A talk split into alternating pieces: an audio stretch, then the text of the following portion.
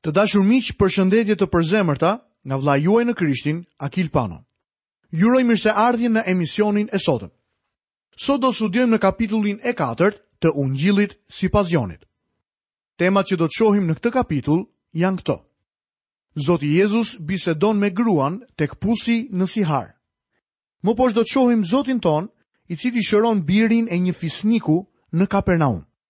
Kapitulli i katërt i Ungjillit sipas Gjonit do të na çojë në ngjarjen më të rëndësishme në shërbesën e Zotit tonë, ndërkohë që kalon përmes Samarisë. Atëherë pa u vonuar le të lexojmë në vargun e parë deri në vargun e tretë të kapitullit të katërt të Ungjillit sipas Gjonit. Pra, kur Zoti mori vesh se farisenjtë kishin dëgjuar se Jezusi po bënte më shumë dishepuj, dhe po pagëzonte më shumë se Gjoni, ndonëse nuk pagëzonte Jezusi vetë, por dishepujt e tij, e la Judenë dhe shkoi përsëri në Galile. Kjo me sa duket, ka ndodhur menjëherë pas ngjarjes në kapitullin e tretë. Ka qenë diku në muajin dhjetor, ndoshta afër 27 dhjetorit. Kjo ishte koha kur Gjon Pagëzori u fut në burg. Kur Gjoni u burgos, Jezusi u largua nga Judea dhe u kthye në Galile. Pse u largua nga Judea? Ai nuk donte të përshpejtonte krizën.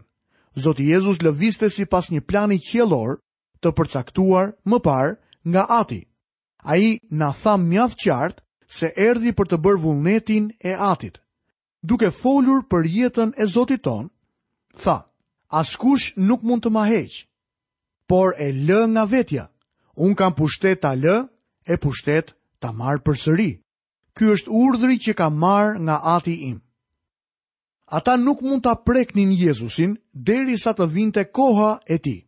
Kur të mbërrijmë kapitullin e 13 në ungjillin sipas Gjonit, do të shohim se atëherë kishte ardhur ora e tij. Por përpara festës së Pashkës, Jezusi duke e ditur se kishte ardhur ora e tij, të kalojë nga kjo botë tek Ati. Citon Gjoni në kapitullin e 13, vargun e parë. A e shikoni miqtë e mi? Jezusi është duke lëvizur sipas planit të Atit. Në fakt, Jezusi erdhi për të bërë vullnetin e Atit. Kështu ai shkoi sërish në Galile. U kthye atje ku kishte vendqëndrimin e tij, që ne besojmë se ishte qyteti i Kapernaumit. Lexojmë në vargun e katërt. Por duhej të kalonte nëpër Samari. Ky varg duhet të tërheqë vëmendjen tonë. Pse duhej të kalonte Jezusi nëpër Samari? Ai duhet të shkonte atje për të takuar një grua. Dëgjoni se çfarë thotë në vargun 34. Ushqimi im është që të bëj vullnetin e Atij që më dërgoi dhe të kryej veprën e Tij. Jezusi duhej të kalonte nëpër Samari, sepse ishte vullneti i Atit të Tij që të kalonte atje. Me sa duket destinacioni i Tij ishte Kana e Galilesë, ku ktheu më parë ujin në verë. Atje ishte një fisnik që kishte djalin të sëmurë, prandaj Jezusi është drejtuar nëpër atë rrugë. Por Jezusi duhet të kalojë së pari përmes Samarisë. Kishte tre rrugë të mundshme për të ndjekur. Mund të shkonte përgjatë bregut. Kjo rrugë ekziston edhe sot e kësaj dite. Jezusi mund të kishte kaluar nëpër Peraea, që është në anën tjetër të Jordanit, ose mund të kalonte nëpër Samari. Jozefi na thotë se edhe pse rruga më e shkurtër ishte nëpërmjet Samarisë, Judenjtë nuk kalonin atë rrugë për shkak të antipatisë që ekzistonte midis judenjve dhe samaritanëve. Gjithsesi, Zoti ynë kaloi nëpër Samari. Lexojmë vargun e pestë. Arriti pra në një qytet të Samarisë që quhej Sihar, afër tokës që Jakobi i kishte dhënë Jozefit, birit të vet. rezulton që varri i Jozefit ishte aty pranë, në degëzimin e rrugës së vjetër romake në jug të Siharit, pranë një pusi, Jezusi takoi një grua. Mali Gerizim ndodhet në veriperëndim dhe sinagoga e samaritanëve ndodhej në shpatin e malit Gerizim. Kam qenë në atë mal dhe kam bërë fotografi prej andej.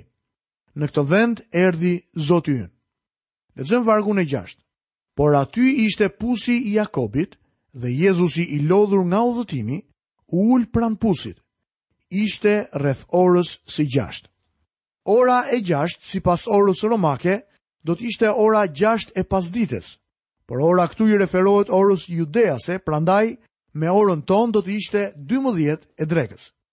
Jezusi ishte lodhur nga udhëtimi. Sa njerëzor ishte Zoti ynë! A mund ta shihni? Gjoni na e paraqet atë si birin e Perëndisë, si Perëndia, i cili është manifestuar në një trup njerëzor. Gjoni ka thënë më parë, fjala u bë mish. Edhe pse gjuha është e thjeshtë, shpreh diçka që është tronditëse. Mendoni pak për këtë. Perëndia i përjetësisë zbriti poshtë në këtë tokë, Fjala u bë mish dhe banoi në ne. Ai ngriti tendën e tij midis nesh, kaloi nëpër Samari dhe u ul në një pus në mënyrën që ta arrinte gruan samaritane. Lexojmë vargun e shtatë. Një grua nga Samaria erdhi të nxjerrë ujë. Dhe Jezusi i tha, Më jep të pi. shohim që Zoti ynë e trajton atë në një mënyrë tjetër. Me Nikodemin, një njeri fetar, kokë e këmbë, Zoti ynë ishte i ashpër dhe i hapur. Por vini re se sa miqësor dhe i dashur ai është me këtë grua. Jezusi i shpreh asaj butësi. Është i etur dhe i kërkon që të pi pak ujë. Çfarë përfillje nga ana e tij! Jezusi është uji i jetës dhe i kërkon asaj që t'i japë ujë. Vargu i tetë, Sepse dishepujt e vet kishin shkuar në një qytet për të blerë ushqime. Është kohë dreke dhe dishepujt e Jezusit kanë shkuar në qytet për të blerë ushqime. Fakti që shkuan të blinin ushqime samaritane zbulon mohimin total të Jezusit për paragjykimin e judenjve, që e konsideronin ushqimin samaritan të papastër, siç konsiderohej mishi i derrave. Lexojmë vargun e nëntë. Por gruaja samaritane i tha, po qysht ti që je jude, kërkon të pish prej meje që jam një grua samaritane. sepse judenjtë nuk shoqërohen me samaritanët. Shohim që kjo grua e refuzon dy herë me radhë kërkesën e Jezusit. Shohim që bën një dallim racial. Thuhet se samaritanët u shisnin judenjve, por nuk pinin nga e njëjta enë me ta. E shihni se çfarë po bën Zoti Jezus këtu. Ai po ulet në pozitën më të ulët, por vini re se si e trajton Jezusi këtë grua, Ai është mjaft i afërt dhe dashamirës. I flet plot me energji, besnikëri dhe fakte. Nuk i jep leksion për integrimin e të drejtave civile. Nuk është kandidat për deputet. Ai thjesht i zgjon kuriozitetin kësaj gruaje duke krijuar interesim dhe etje. Lexojmë vargun e dhjetë. Jezusi u përgjigj dhe i tha: Po ta njihje ti dhuratën e Perëndisë dhe kush është ai që të thotë më jep të pi, ti vetë do të kërkoje nga ai dhe ai do të të jepte ujë të gjallë. Ndërkohë që Jezusi i zgjon kësaj gruaje kuriozitet, sjellja e saj ndryshon menjëherë. Lexojmë vargun 11 dhe 12. Gruaja i tha: Zot, ti nuk ke as kovë për të nxjerr dhe pusi është i thellë. Nga e ke pra atë ujë të gjallë? Vallë je më i madh se Jakobi, ati ynë, që na dha këtë pus dhe piu prej tij ai vetë, bijtë e tij dhe bagëtitë e tij. Gruaja e quan atë zot, gjë që nuk e përmend më parë. Por vini re ndryshimin. Çështja këtu është se kjo grua po mendon sipas mishit. Mendimet e saj nuk arrijnë më lartë se niveli i ujit poshtë në pus. Vini re se ajo e identifikon veten e saj me Jakobin dhe e bën me qëllim sepse nga pikëpamja raciale, samaritanët ishin pasardhësit e Jakobit që kishin bërë martesa me njerëzit nga veriu duke ndjekur robërinë asiriane të Izraelit në vitin shtatëqind e njëzet e një përpara Krishtit. Lexojmë më poshtë vargjet 13 dhe 14. Jezusi u përgjigj dhe i tha: Kushdo që pi nga ky ujë, do të ketë përsëri etje. Por kush pi nga uji që unë do t'i jap, nuk do të ketë më kurrë etje përjetë, por uji që unë do t'i jap, do të bëhet në të një burim uji që gufon në jetë të përjetshme.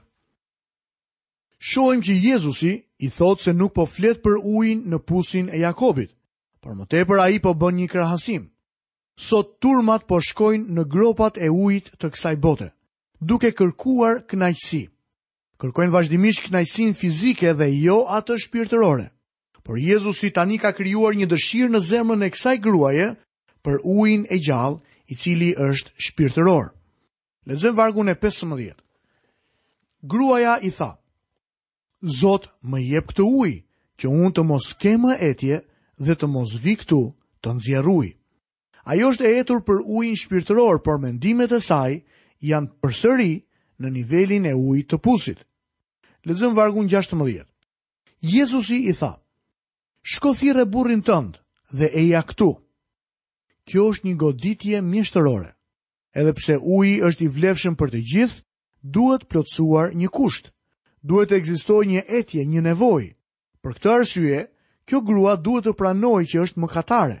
Kështu që Zoti ynë i thotë, shko dhe thirre burrin tënd. Ky është një subjekt mjaft i ndjeshëm. Lexojmë vargun 17 dhe 18. Gruaja u përgjigj dhe i tha: Unë nuk kam burrë.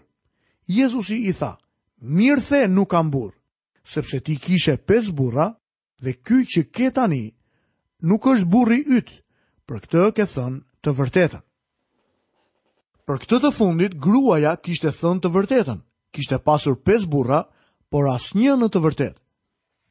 Zoti ynë është duke këmbëngulur që nëse vendosim të shkojmë tek ai, atëherë duhet të merremi së pari me mëkatin. Çdo sekret duhet të dalë zbuluar përpara Perëndisë. Këtu ndodhej një mëkatare. Një nga arsyet pse nuk kishte miqësi me gratë e qytetit, ishte se kishte mjaft miqësi me burrat e qytetit. Është fjala pra për këtë grua. Gruaja u shokua deri në përulje përpara Krishtit. Por kjo grua donte të ndryshonte subjektin duke hapur një temë fetare. Lexojmë vargu 19 dhe 20. Gruaja i tha: Zot, po shoh se ti je një profet. Etërit tanë adhuronin mbi këtë mal dhe ju thoni se në Jeruzalem është vendi ku duhet të adhurojmë. Kjo temë përbënte një argument të mirë fetar, apo jo miqtë e mi? Ku duhet të adhurojmë? Në këtë mal apo në Jeruzalem? Në atë kohë, kjo temë shkaktonte një diskutim mjaft të madh. Ka shumë njerëz sot që duan ta argumentojnë fenë, por ata nuk duan ta jetojnë atë. Jam i bindur se shumica e cektësisë në kishat tona sot është vetëm si një kapak për të mbuluar mëkatin. Fatkeqësisht, kishat tona janë të krimbura me hipokrizi, një kompromis me të keqen dhe refuzim për t'u përballur me mëkatin. A e dini, është mjaft e lehtë të flasësh për mëkatin e Moabitëve që 4000 vjet më parë Por, për sa i përket mëkatit tonë, çfarë mund të themi? Dikush ka thënë, më pëlqejnë predikimet ku një njeri është predikuesi dhe tjetri është kisha. Kështu që kur predikuesi thotë ti je një njeri, nuk keqkuptohet se për kë po bëhet fjalë. Ka shumë shërbëtorë sot që kanë frikë të predikojnë për mëkatet e të krishterëve. Kjo gjë m'u konfirmua para disa viteve. Po flisja në një konferencë vere mbi tetë kapitujt e parë të letrës drejtuar romakëve. Kjo pjesë nuk para përdoret si subjekt për predikim, sepse apostulli Paul këtu merret me mëkatin. Në fillim po ndihesha i fyer. Aty nga mesi i javës, fryma e shenjtë filloi t'i thyejë zemrat e ngurta dhe një djalë që dukej sikur ishte më i kapërdisuri dhe më fanatiku, erdhi tek unë duke dashur të rrëfente mëkatet e tij. I thashë, të mos m'i rrëfente mua mëkatet, por të shkonte tek kryeprifti më i lartë, Zoti Jezus.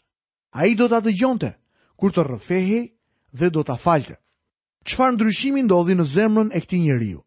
Tek e njëjta konferencë, dy shërbyes të tjerë erdhën tek unë personalisht dhe privatisht dhe më pyetën. Kështu predikon edhe në kishën tënde? Po predikoj edhe kështu, por këtu zbulova se kishte disa shenjtorë të përsosur në thonjza që u pëlqejnë të kritikojnë predikuesin në mënyrë që të tërheqin vëmendjen mbi veten e tyre. Ata në të vërtetë duan të jenë aktivë, duan të drejtojnë kishën, por ata nuk kanë dëshirë të merren me mëkatin në jetën e tyre. Zoti ynë nuk e shmangu apo e la më një anë çështjen e mëkatit personal.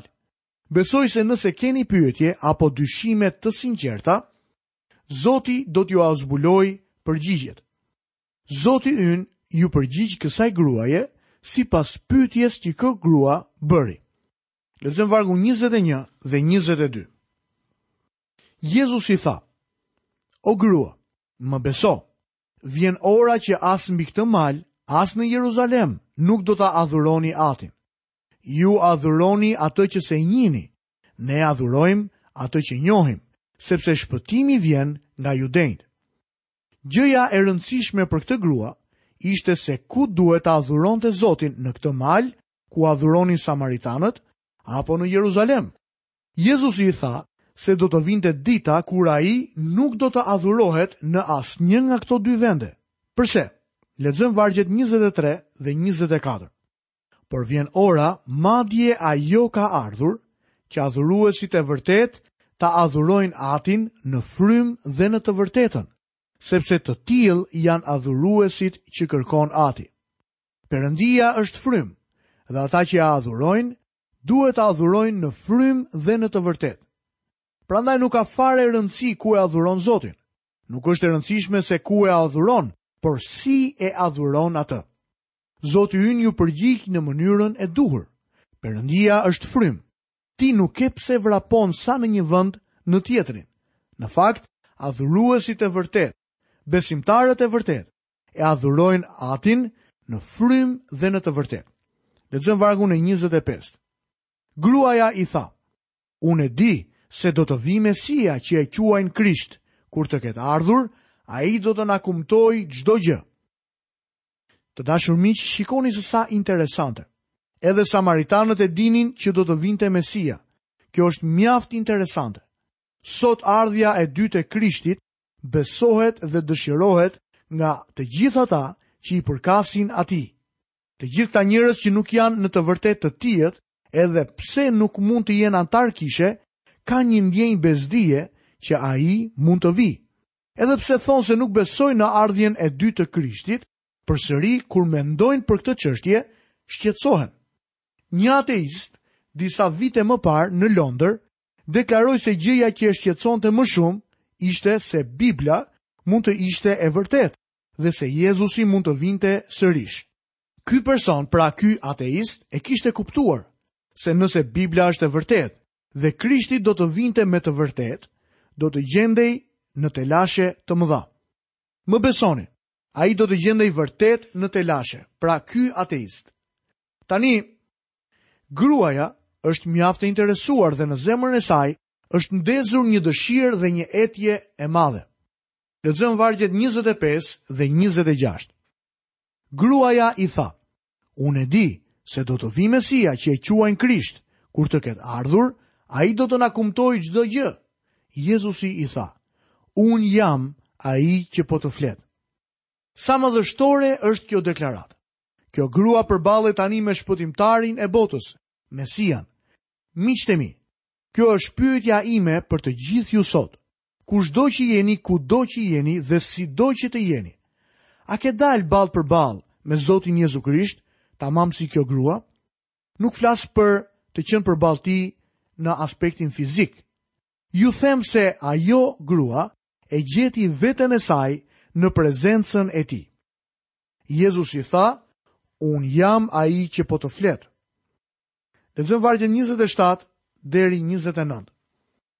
Në këtë moment, erdhën dishepujt e tij dhe u mrekulluan që po fliste me një grua, por asnjë nuk i tha, çfarë do, ose, pse po flet me të. Atëherë gruaja e la kovën e saj dhe u kthye në qytet dhe u tha njerëzve, Ejani të shikoni një njeri që më ka thënë gjithçka që kam bërë. Vallë, mos është ky Krishti? Gruaja u kthye në besim tek Zoti Jezu Krisht, kështu që vrapoi në qytet për t'u thënë të tjerëve. Vini re që ajo nuk u flet grave, sepse ajo nuk ka marrëdhënie të afërt me to, Disa nga këta burra, me shumë mundësi kishin pasur marrëdhënie me të dhe ishin shumë të interesuar të dinin nëse ai mund të thoshte të gjitha gjërat që kishte bërë kjo grua. Dhe ja se çfarë ndodh. Lexojmë vargun e 30. Dolën pra nga qyteti dhe erdhën tek ai. Burrat erdhën për shkak të dëshmisë së saj. Kjo është mjaft e rëndësishme.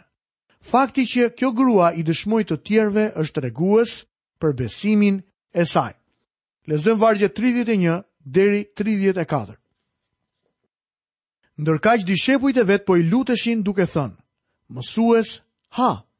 Por ai u tha atyre: Unë kam një ushqim për të ngrënë të cilin ju s'e njihni. Prandaj dishepujt i thoshnin njëri-tjetrit: Mos i solli vallë dikush për të ngrënë? Jezusi u tha atyre, Ushqimi im është që të bëj vullnetin e atij që më dërgoi dhe të kryej veprën e tij.